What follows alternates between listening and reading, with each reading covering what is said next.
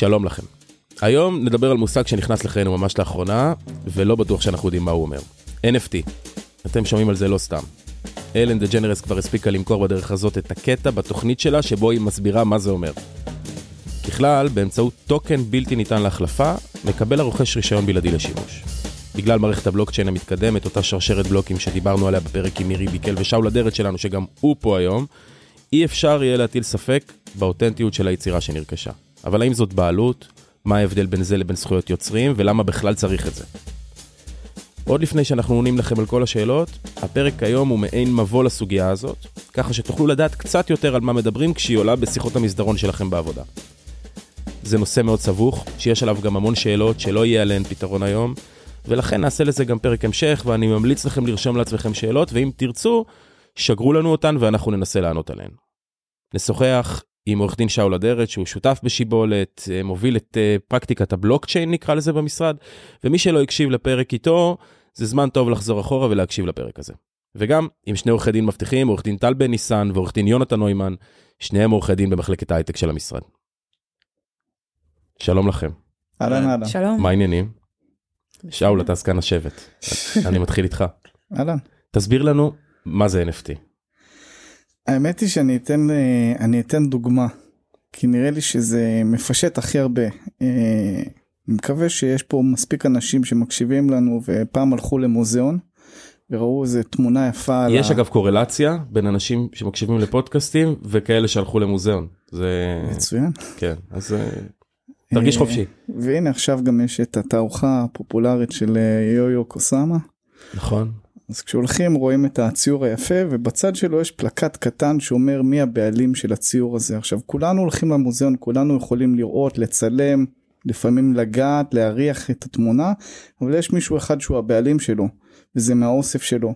וזה פחות או יותר ה-NFT, ה-NFT הזה מתחבר לאיזושהי יצירה, נכון להיום זה בעיקר יצירות דיגיטליות, הוא אומר זה הבעלים של היצירה הזו. אוקיי, אז זה למעשה זכות יוצרים. זה מסובך. זה מסובך.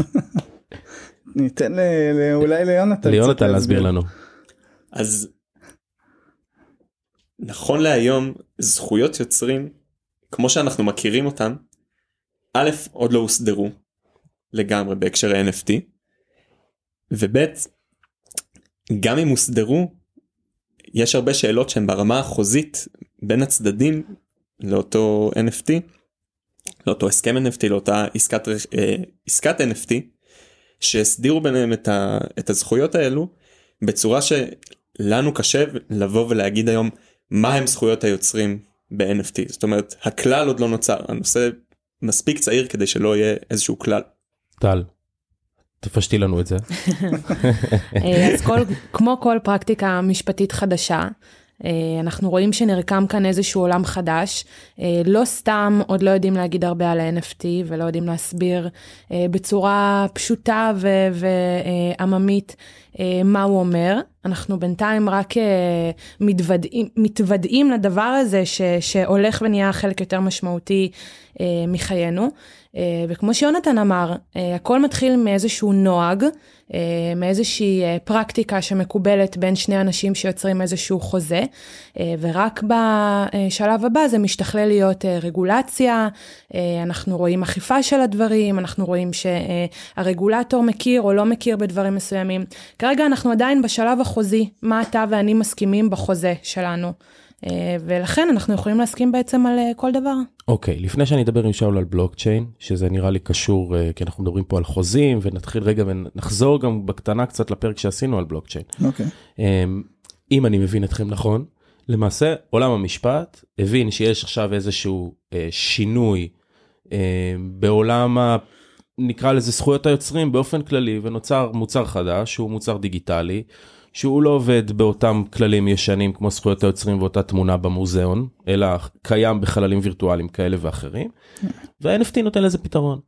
עכשיו החוזים שמה שטל תיארה יפה זה ופה אני לוקח אותך לבלוקצ'יין אה, שזאת למעשה זה בלוקים של חוזים כאלה אה, ולכן הדברים מתחברים אני אני צודק כלומר זה נעשה באמצעות הבלוקצ'יין ה-NFT אותו רישיון לשימוש נעשה באותה מערכת. הוא, הוא רוכב על, ה, על הטכנולוגיה של הבלוקצ'יין, הוא אוקיי. נחתם באמצעות הבלוקצ'יין, ולכן בעצם אה, הפלקט הזה בדוגמה שלי הוא האמת לאמיתה, כל העולם יכול להסתכל על זה בכל רגע נתון ולדעת שהציור הזה זה הבעלים שלו וזו האמת לאמיתה, אין כאן זיוף, אין כאן מישהו שמחק את זה עם טיפקס ורשם שם אחר, זו האמת. אבל תגיד, וזה, ה- זה הטכנולוגיה, זה הבלוקצ'יין, זה מה שהוא מאפשר.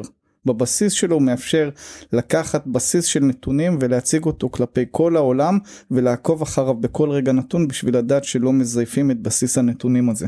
אבל תגיד, מה זה שונה ממני, משתמש הקצה, שעכשיו מוריד תמונה מאושרת לשימוש מאיזשהו מאגר כזה או אחר, משלם עליה את מה שמשלם עליה, מקבל רישיון לשימוש עבור הדבר שעליו שימה- שילמתי, זה זה לא. אה, בגדול זה עשוי להיות כזה ההבדל היחיד הוא שמה שאתה מדבר עליו זה בסוף לרוב תמונה שיש לה הרבה מאוד עותקים כלומר אתה הבנתי. משתמש הקצה יכול לקבל עותק אחד ממיליונים ואין גם מגבלה על כמות העותקים. כאן אנחנו מדברים על מקור וזה זה שוב אנחנו חוזרים לבייסיקס של מה זה בלוקצ'יין הוא תמיד מאתר את המקור ביחס לעותקים. יונתן, מה ההבדל בין החזקה לבעלות? אז בעולם המשפט זכויות שונות הן זכות זכות בעלות וזכות שימוש. לדוגמה כשרכשתי דירה אז אכן רכשתי אותה. כשאני משתמש בוורד רכשתי רישיון שימוש לתוכנת וורד לא קניתי את וורד ממייקרוסופט. הבהרה חשובה. וזה למעשה ה-NFT, לא? אם אני מבין אתכם נכון. אני לא קניתי את הבעלות על התמונה, אלא אני קניתי רישיון לשימוש, אה, שגם איתו אגב יש איזושהי בעיה, כי השימוש הוא מוגבל, הוא לתקופה מסוימת של זמן, נכון? נדבר על זה תכף, אבל זה בגדול העניין. נכון שוב צריך לשים לב צריך לדבר בזהירות כשאנחנו מדברים בתחום הזה על איזשהו כלל כיוון שהוא צעיר ועדיין לא בהכרח נכון להגיד מהו כלל אנחנו כן רואים הסכמי רכישה של NFT אבל הרוב הכמעט מכריע יהיה הסכמי רישיון רישיונות שימוש ב-NFT. אוקיי. מה זה חוזה? למעשה, יש איזשהו חוזה, שהוא חוזה NFT, נכון? זה, ה... נכון. זה הקטע. נכון. ואיך זה נראה בפועל? מה, בין מי למי? איך אז- זה מנוהל, כל העניין הזה? אז uh, באמת, uh, כמו שגם אמרתי מקודם, זה משהו שעדיין uh, בונה את עצמו. אנחנו רואים כל מיני סוגים של חוזה NFT. הז'אנר המרכזי שאנחנו רואים זה באמת חוזים מסוג רישיון. Um, ומה שגם באמת ראינו זה ש... בדרך כלל החוזים האלו כוללים הרבה מאוד דברים שאנחנו בכלל לא בטוחים שמי שחותם עליהם מודע להם ו- וקורא את החוזה. אה, זה יכול להיות אה, כל מיני מגבלות שקיימות על אה, מחזיק ה-NFT, מה מותר לו לעשות עם ה-NFT ומה אסור לו. לדוגמה, האם מותר לו לעשות שימוש מסחרי, לצורך העניין, סביר להניח שלא. אוקיי? זה בדרך כלל משהו שמוגבל בחוזים מסוג כזה, הוא יכול לעשות בזה רק שימוש אישי, לטובתו האישית בלבד.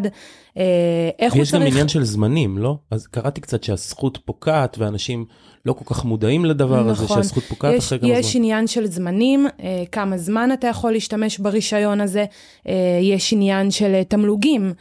בעצם אני יכולה לרכוש היום את ה-NFT, לקבל איזושהי, איזשהו רישיון להשתמש בו. ובכל פעם שאני אעביר בעלות ב-NFT הזה, אני אצטרך לשלם, לשלם תמלוגים למי שקניתי ממנו. זה משהו שהרבה פעמים נכלל בחוזים מסוג, מסוג NFT, בחוזה כזה. אה, עכשיו, אה, בעצם זה אומר שמי שהיה בעלים במקור ומכר את ה-NFT, הוא בעצם ממשיך לקבל כסף מכל העברת יד של ה-NFT הזה, וואלה, מכאן ועד עולם. וואלה. אה, זה משהו של... צריך להכיר אותו. זה מעניין. משהו לא סטנדרטי.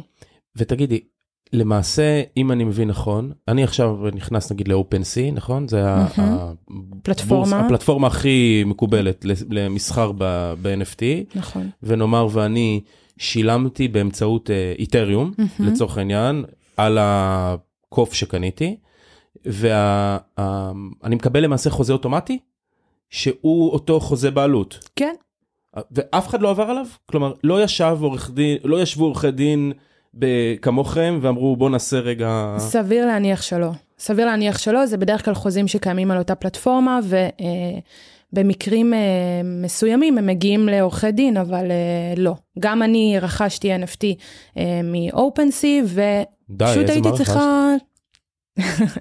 רכשתי uh, uh, שור, די. כן.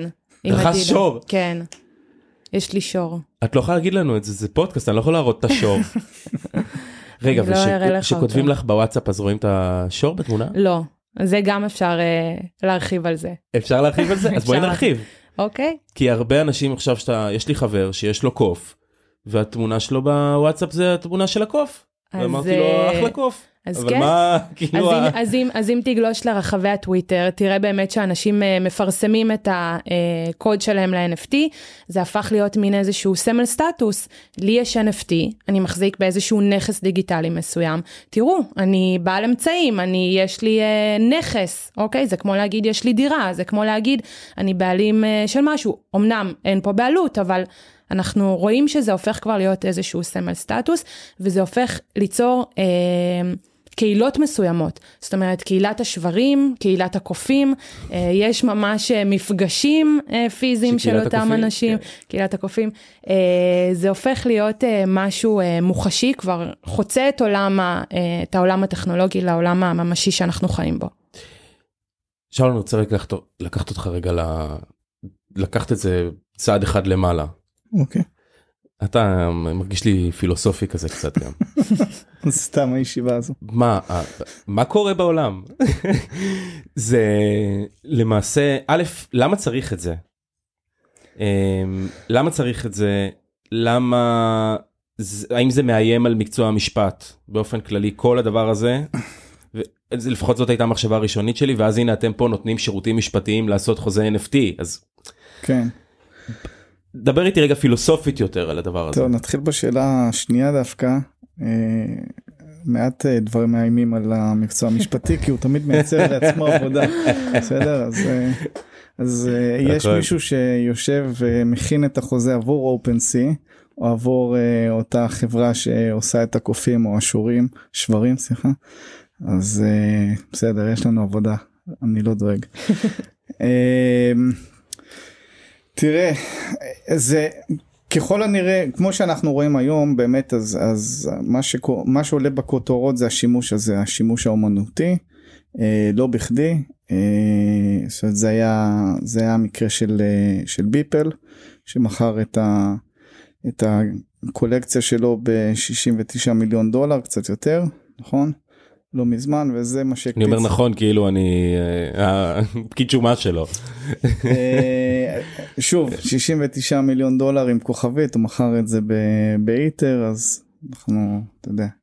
זה, זה וולטילי כמה הוא מכר את זה נדבר על זה גם בפרק הבא. אבל. אה, אבל זה מה שהקפיץ לכותרות את הנושא הזה של ה-NFT זאת אומרת תמיד זה ככה סכום כסף מאוד גדול ומפתיע מעלה את זה לכותרות ואז כולם רואים את השימוש הזה ושמחים זה לא בהכרח השימוש היחיד זאת אומרת NFT כמו שאמרתי לך בהתחלה הרעיון שלו הוא, הוא להראות את הבעלות או את הזכויות שיש לי באיזשהו נכס. אז אפשר לחשוב על הרבה מאוד שימושים נוספים שהיום אנחנו צריכים להראות אה, בעלות. יונתן דיבר מקודם על הנושא של אה, בעלות בדירה היום אני צריך ללכת לטאבו ממש פיזית או לנבור באתר האינטרנט המאוד לא ידידותי שלהם ולהוכיח את הבעלות שלי בנכס שקוראים לו דירה.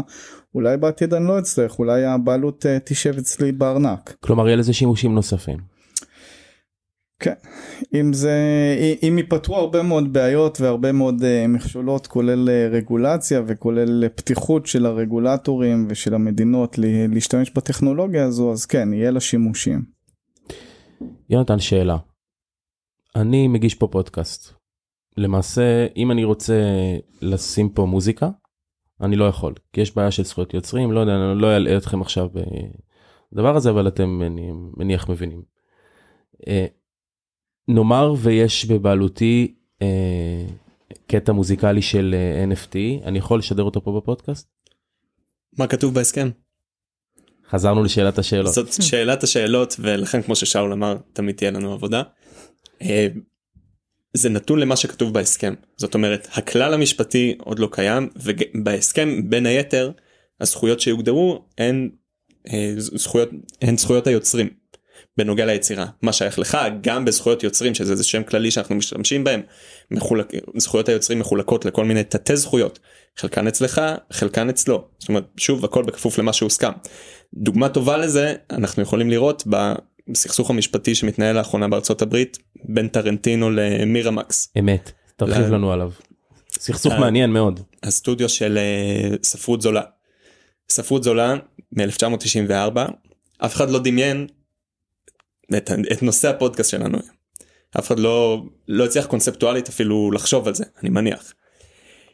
והיום כשטרנטינו רוצה אה, לצאת ולמכור כ-NFT כל מיני אה, סצנות אבודות אה, הערות הבמאי אה, הערות היוצר וכולי וכולי אנחנו חוזרים אחורה לחלוקת זכויות שנעשתה ב-1994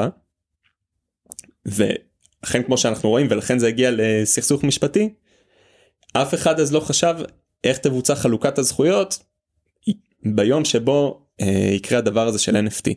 עכשיו זה גם מעניין כי כי עולם זכויות היוצרים באופן כללי אני נגיד עכשיו חיפשתי איזשהו פתיח מוזיקלי ורציתי לראות אם היצירה היא public domain או לא public domain. אז נגיד אחורה בזמן נאמר ואני אה, לא יודע יש לי קשר עם אה, מיילס דייוויס הג'אזיסט ואני רוצה לקחת יצירה כאילו קטע ממנו ולעשות אותו כ-NFT ליצירה שכבר פג תוקפה שהוא כבר היא כבר פאבליק דומיין כאילו זה כל העולמות האלה כל הזמן מתנגשים ואני לא כל כך נראה לי שגם בעולם שלכם עצמו עוד לא כל כך מבינים מה ה- מה זה אומר לאן זה הולך נכון? זה השורה התחתונה כן. ואנחנו אנחנו נמצאים כאן כדי להיות שם להיות במקומות המעניינים שבהם הדברים קורים ועוד יקרו. עכשיו טל אמרת לנו שיש לזה גם קהילות ועניינים פיזיים וכזה אז איזה איך זה יכול לפגוש אותנו בעולם הפיזי. אז אמ, כשמדברים על NFT אי אפשר שלא לדבר גם על עניין המטאוורס. וכאן זה גם אמ, מתנגש באיזשהו מובן עם העולם הפיזי. אה, מה הכוונה? היום אנחנו רואים אה, שלאט לאט אה, המציאות הולכת ומתעמעמת, ואנחנו רואים שיש באמת שאיפה ליצור איזשהו עולם דמיוני, שאנחנו הולכים לעבודה ונפגשים שם עם המכרים שלנו ויוצאים ו, וכל מה שזה מביא איתו. אנחנו רואים שבעצם ה-NFT הופך להיות, מגדיל את תרבות הצריכה שלנו בעולם המטאוורס. אמ, ולדוגמה היום אה, יש כל מיני אה, משחקים ו- וילדים היום בגיל מאוד מאוד צעיר אה, יודעים כבר לשחק ולרכוש מוצרים לטובת אותו מטאוורס. עכשיו זה מביא אותנו גם לעולם הפיזי שאנחנו נפגשים היום כי בעצם זה יוצר א', שיח בקרב אה, אותם אה, קהילות, ילדים כבר יודעים לדבר על זה, במקומות עבודה מדברים על זה, בקמעונאים מדברים על זה ויוצרים איזשהו עולם מקביל לעולם הפיזי, וגם זה מנכיח איזושהי, איזה שהן קהילות, יש מפגשים כמו שאמרתי, יש כל מיני סדנאות שנעשות לאותן קהילות שמחזיקות ב-NFT מסוג מסוים, זאת אומרת, זה, זה הולך בעצם בשני מישורים מקבילים, אוקיי? זה גם מרחיב את העולם הפיזי שלנו היום, אה, אה, בעצם מצמצם אותו יותר נכון לומר, ו, ו, ומגדיל את עולם המטאוורס, שם אנחנו ניפגש בעתיד, אה, ו, ותהיה אינטגרציה עם אותם אה, NFTs שאנחנו נחזיק בכל אותם אה, אה, אה, מקומות שאנחנו ניפגש, וגם היום יוצר אה, שיח ובעצם מגדיל את, את הקהילה סביב אותם אה, NFTs. זה יכול גם uh, לתרום לזה שאנחנו נצמצם uh, פגיעות סביבתיות. אומנם uh, מדברים על זה שהיום כל קריאת הבלוקצ'יין היא באמת גם מזהמת במובן מסוים, אבל זה יצמצם את תרבות הצריכה הפיזית שלנו היום, זה יכול גם כן לפגוש אותנו בעולם הפיזי שאנחנו חיים בו, וגם ליצור מקורות הכנסה נוספים, ליצור מקצועות חדשים, אולי גם להכחיד מקצועות מסוימים, אבל זה, זה ייצר איזשהו שינוי בכל ה... אה, מה שאנחנו מכירים היום. רגע, אנחנו עוד לא רואים את זה. למעשה, אם אני מבין אתכם נכון, או חכו, אני עדיין לא מבין, אני רוצה להבין אם אנחנו, אם אני יוצר NFT, ויש לי אה, קוף שהצבתי, אני בא אליכם כדי לעשות חוזה NFT כדי לשים את הקוף שלי באופנסי? זה ה... זה בגדול? בגדול יש כאן הרבה שאלות, זאת אומרת, אה, לרוב אתה לא תבוא אלינו עם אחד אלא אתה תרצה לעשות כאן סדרה גדולה ואז עדיין מאחר והתחום הזה הוא חדש אז יש כאן עדיין שאלות של רגולציה מותר לך בכלל לעשות את זה מותר לך למכור איך אתה מוכר את זה איך אתה משווק את זה איפה אתה עושה את זה. אנחנו עדיין בעולם שבו הבנקים בישראל לא אוהבים uh, כסף שהמקור שלו בסוף uh, מגיע מקריפטו כלומר מכרת את הדבר הכי לגיטימי בעולם תמונה של קוף אבל מכרת את זה כנגד אית'ר המרת את זה לדולרים עדיין תיתקל בבעיה להכניס את הדולרים או להמיר אותם לשקלים ולהכניס לארץ גם עם זה אנחנו צריכים uh, להתמודד. טוב אז זאת בעיית מטבעות דיגיטליים באופן כללי. נכון אבל התחום הזה כן. התחום הזה נוגע. Uh, ואי אפשר גם uh, מצד שני צריך להסתכל באמת על הדברים היפים שזה עושה זאת אומרת אני חושב דיברתי מקודם על ביפל אז אולי המהפכה הכי גדולה שזה עשה זה בעצם נתן לגיטימיות לאומנות דיגיטלית שעד היום הייתה מאוד בצד ובטח ולא בטח ובטח לא ידע למכור בסכומים נכבדים. אז uh, היום הם יודעים לעשות את זה והיום uh, הרבה יוצרים מחפשים באמת uh, מקום לפרוח עם האומנות הדיגיטלית שלהם. uh, למשל במשחקים במטאוורס מקום מצוין uh, לפרוח בו. יונתן אתה קונה NFT? עוד לא. שאלה טובה. שאלת למה למה זה קיים זאת אומרת מה מה הערך בדבר הזה ניסינו לתת כאן כל מיני תשובות אני חושב ש... היום לנסות להבין כדי להסביר לנו או אפילו לצעירים מאיתנו מה הערך של NFT כמו ללכת לאדם הקדמון ולנסות להסביר לו מה ההבדל בין שקית שקית ניילון מהסופר לתיק של גוצ'י. הרי בשניהם אתה נושא דברים לוקח אותם איתך ביד ממקום למקום. זה אתה מקבל בחינם תמורת 10 אגורות אם זה סופר אה, כמו שצריך. ועל זה שילמת יכול להיות עשרות אלפי דולרים. נכון. אותו אדם קדמון יסתכל ויגיד לך אתה רציני? שילמת על משהו עם אותם שימושים כמו שאני מכיר פי כמה וכמה. את, ואלו השאלות שאנחנו נתקלים בהם היום זאת אומרת אתה שילמת על JPEG עכשיו עשרות מיליוני דולרים ומה תגיד לו ש... נכון מה תגיד לו אתה אתה לוקה אחי יש לך לקות מה תגיד לו כאילו יש לקות כן. של כולנו בהבנה ובהמשך באמת גם עולמות המטאוורסים אפילו ה-NFT יהפוך להיות הטאבו של המטאוורס זאת אומרת מרשם הבעלות של המטאוורס הדברים קשורים אחד בשני. אתה יודע אפרופו שדיברנו שאלתי את שאול על העניין של המקצוע באופן כללי תוך כדי שאתם מדברים אני חושב שהאינטרדיסציפלינריות של מקצוע עריכת הדין זה נהיה היום משהו חוצה זה לא היה ככה בעבר לדעתי. הייתם צריכים להתמקצע אני לא אני לא משפטן הייתם צריכים הייתם מתמקצעים במשהו מסוים ופה אתם מתארים לנו סיטואציה שהיא מטאוורסית כלומר זה מיסים זה זכויות יוצרים זה אלף ואחד נושאים בפרטיות זה המון נושאים שצריך uh, להתכוונן בשביל הנושא החדש הזה אם אני אם אני מבין נכון. נכון. לגמרי. אלו לא רק הדיסציפלינות המשפטיות אלא גם הדיסציפלינות שמעבר זאת אומרת לבוא היום ללקוח או אם לקוח יבוא אלינו ונגיד לו על נושא מסוים זה עסקי אנחנו לא נוגעים בו או זה טכנולוגי ואנחנו לא נוגעים בו אנחנו נהפך להיות לא רלוונטיים. עורך דין היום שייתן תשובה כזאת לא רלוונטי בעולם עריכת הדין שלהם בעולם העסקים שלהם. גם הטכנולוגיה היא בעצם אה, מאוד רלוונטית היום להבין את הטכנולוגיה זה חלק מההבנה המשפטית של, ה, של המטריה. כשבא אליי אה, לקוח ויש לו שאלות על רגולציה והאם היא חלה עליו או לא אני צריך להבין ממש את הניואנסים של הטכנולוגיה בדיוק מי הבעלים אה, איך זה עובר איזה backdoors יש הרבה מאוד שאלות שהן טכנולוגיות שאין לי לא חקרתי את זה שנים אבל אני צריך כבר להבין את המשמעות ואת ההשלכות שלהם בשביל לעשות ניתוח משפטי מדויק של, ה, של הסיטואציה. ומה שאמרת זה נכון זאת אומרת אנחנו עדיין יודעים להתמקצע אנחנו עדיין כל אחד אה, מאיתנו במשרד שלנו לפחות עם, אה, עם הרקע שלו ועם העבר שלו אה, אנחנו פשוט בונים צוותים, צוות מולטי דיסציפלינרי בדיוק כמו שאמרת. אנשים עם רקעים שונים, עם הבנות שונות, שמסתכלים על אותה סוגיה ובסוף מנתחים אותה ביחד בשביל לתת פתרון כולל הוליסטי ללקוח. אני לא יודע אם אנחנו ניפגש במטאוורס, אבל אנחנו ניפגש בפרק הבא, שיהיה בו, אני מניח, הרבה מאוד שאלות שקשורות לדבר הזה.